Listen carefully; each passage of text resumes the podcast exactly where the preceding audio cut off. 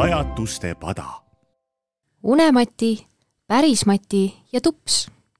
Dagmar Normet.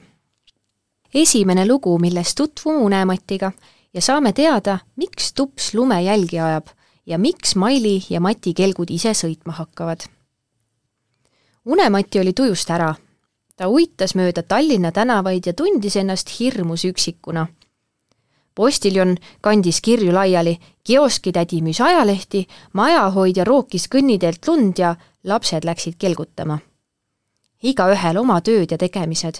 ainult Unematil polnud midagi teha, sest päike paistis. õhtu oli alles ees ja keegi ei tahtnud veel magada. kui põikaks õige parki, mõtles Unemati ja keeras lumisele puiesteele see juhtus kella üheteistkümne paiku ja siit kõik sündmused alguse saidki umbes samal ajal tekkis pargi kohevale lumekattele nägus muster. justkui oleks keegi valgele vaibale väikesi lilli trükkinud. Need olid tupsi käpajäljed. kutsikas kargas rõõmsalt kiljudes ringi ning püüdis langevaid lumehelbeid lennult kinni napsata. talv, tema esimene talv, meeldis tupsule hullu pööra. järsku koerake Peit peatus.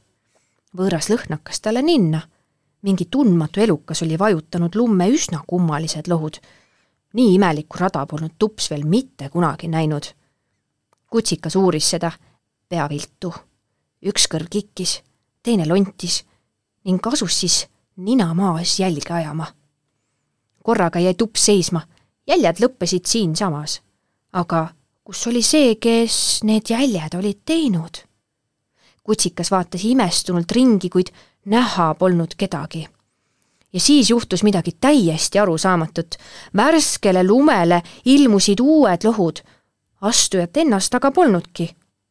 tupsi seljakarvad tõusid turri ja ta hakkas ägedalt haukudes taganema, igaks juhuks noh, sest mine tea. tups, tule siia, tups, kus sa oled? kostis nüüd lapse hääl.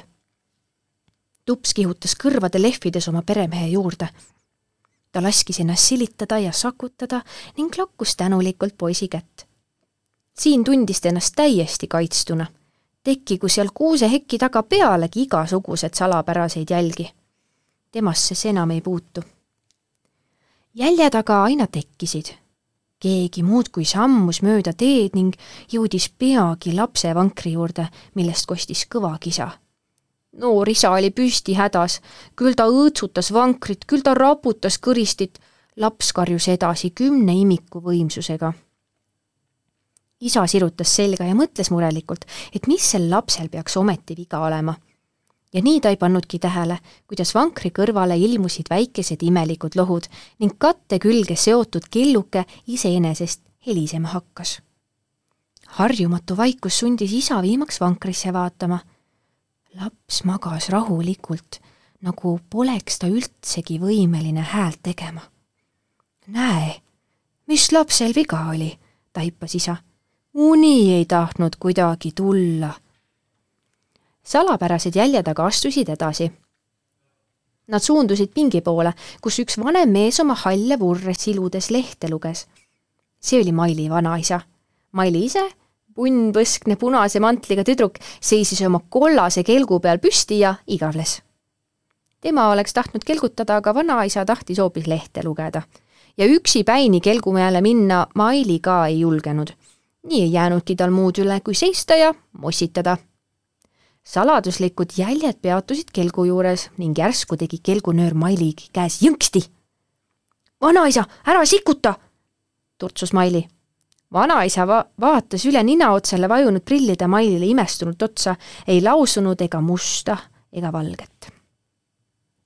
nüüd tõmbas keegi nähtamatu veel kord järgus, järsult köl-, köö kelgunöörist ja Maili kukkus lumele istuli.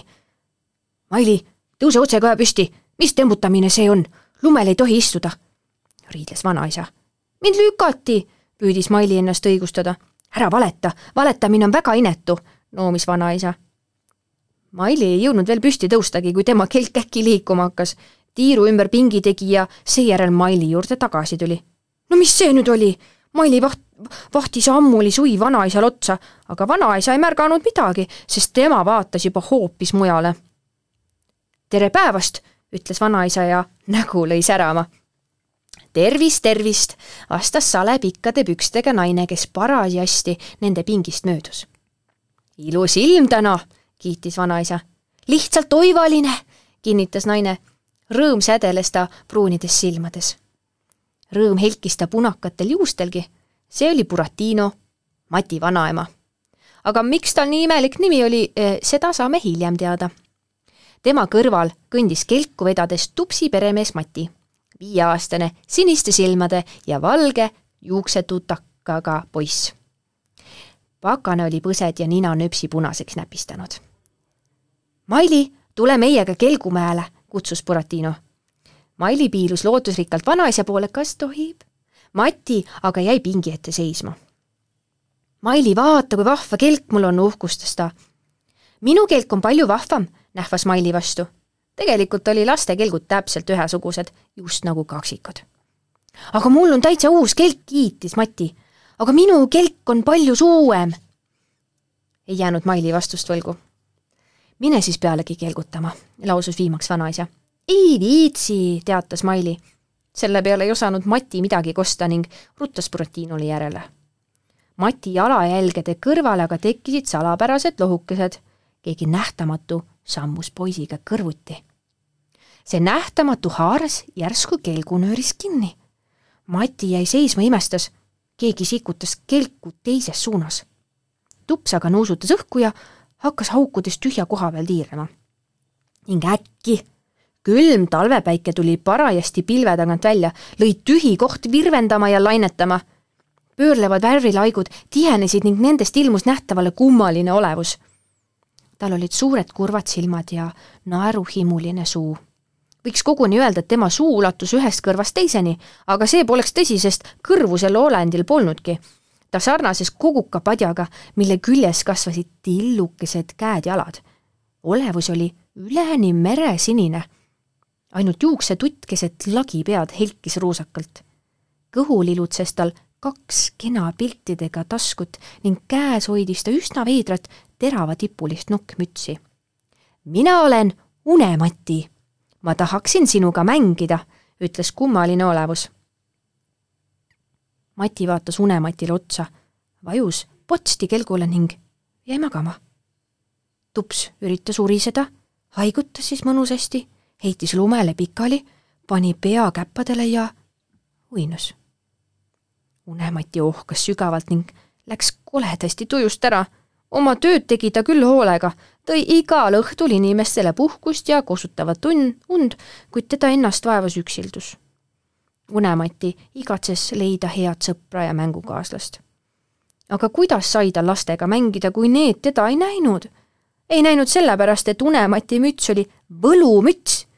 müts tegi Unemati nähtamatuks võttis ta ka mütsi peast, siis jäid kõik, kes Unematit nägid, otsekohe magama. Buratino jäi seisma ja pöördus ümber. noh, Mati, kuhu sa jäid, mis sul viga on? Unemati pani kähku oma võlumütsi pähe ning otsekohe hakkas ta lainetama ja hajuma ja kadus karges tolveõhus. Buratino rut-, ruttas tagasi. sa armas aeg, ei tea, kas poiss on haigeks jäänud või? ta pea kuumardus, et Mati pead katsuda ah, saagu mis saab, mõtles Unemati. kelgutan kas või magava poisiga. ning ta tõmbas kelgu Buratino nina alt viuhti ära. Vanaema ehtus, ehmus keeletuks. Mati aga ärkas, vaatas ringi ega uskunud oma silmi. tema kelk sõitis oma pead. kui nüüd Maili seda näeks, mis ta kiitleb, et tema kelk on niisama vahva nagu Mati oma. katsugu järele teha. Maili kelk on juba iseenesest sõitma. ei no see küll ei hakka Mati kelk libises tõepoolest ise mäest üles, mitte alla, vaid üles. kelgunöör oli tõmbamisest pingul, kuid vedajat polnud näha. Künkale jõudes keeras kelk ennast ise ringi ning kihutas kallakust alla. tups kargles kaukudes kelgu kannul. nüüd jõudis kohale hingeldav Buratino, haaras kelgunööri kõvasti pihku, ütles Mati, sõidame õige koos, eks ole? sest mine tea, mis mõtted sinu kelgule täna äkki pähe tulevad, järsku tõuseb teine veel lendugi kuidas ma sind siis pilve pealt kätte saan, me ei tohi ju lõunale hiljaks jääda. vanaema istus Mati selja taha, andis jalgadega hoogu ning nad tuiskasid nõlvast alla. sellega Unemati kelgutamine lõppeski, sest tema jaoks enam kelgu peale ruumi ei jäänud. luhta läks see kelgusõit ja poisiga tuttavaks saada ma ka ei saanud, mõtles Lume Unemati kurvalt ning kõndis pargist minema. tänavanurgal ta peatus ja kaalus, mida ette võtta. ta tundis ennast kohutavalt õnnetuna. sel ajal, kui Unemati seal seisis ja aru pidas, peatus tema ees ilus helesinine tramm trammi uksed läksid lahti ja ütlesid Unemati, tule peale. Unemati lipsas sisse. uksed sulgusid vaikse surinaga ja tramm hakkas sõitma.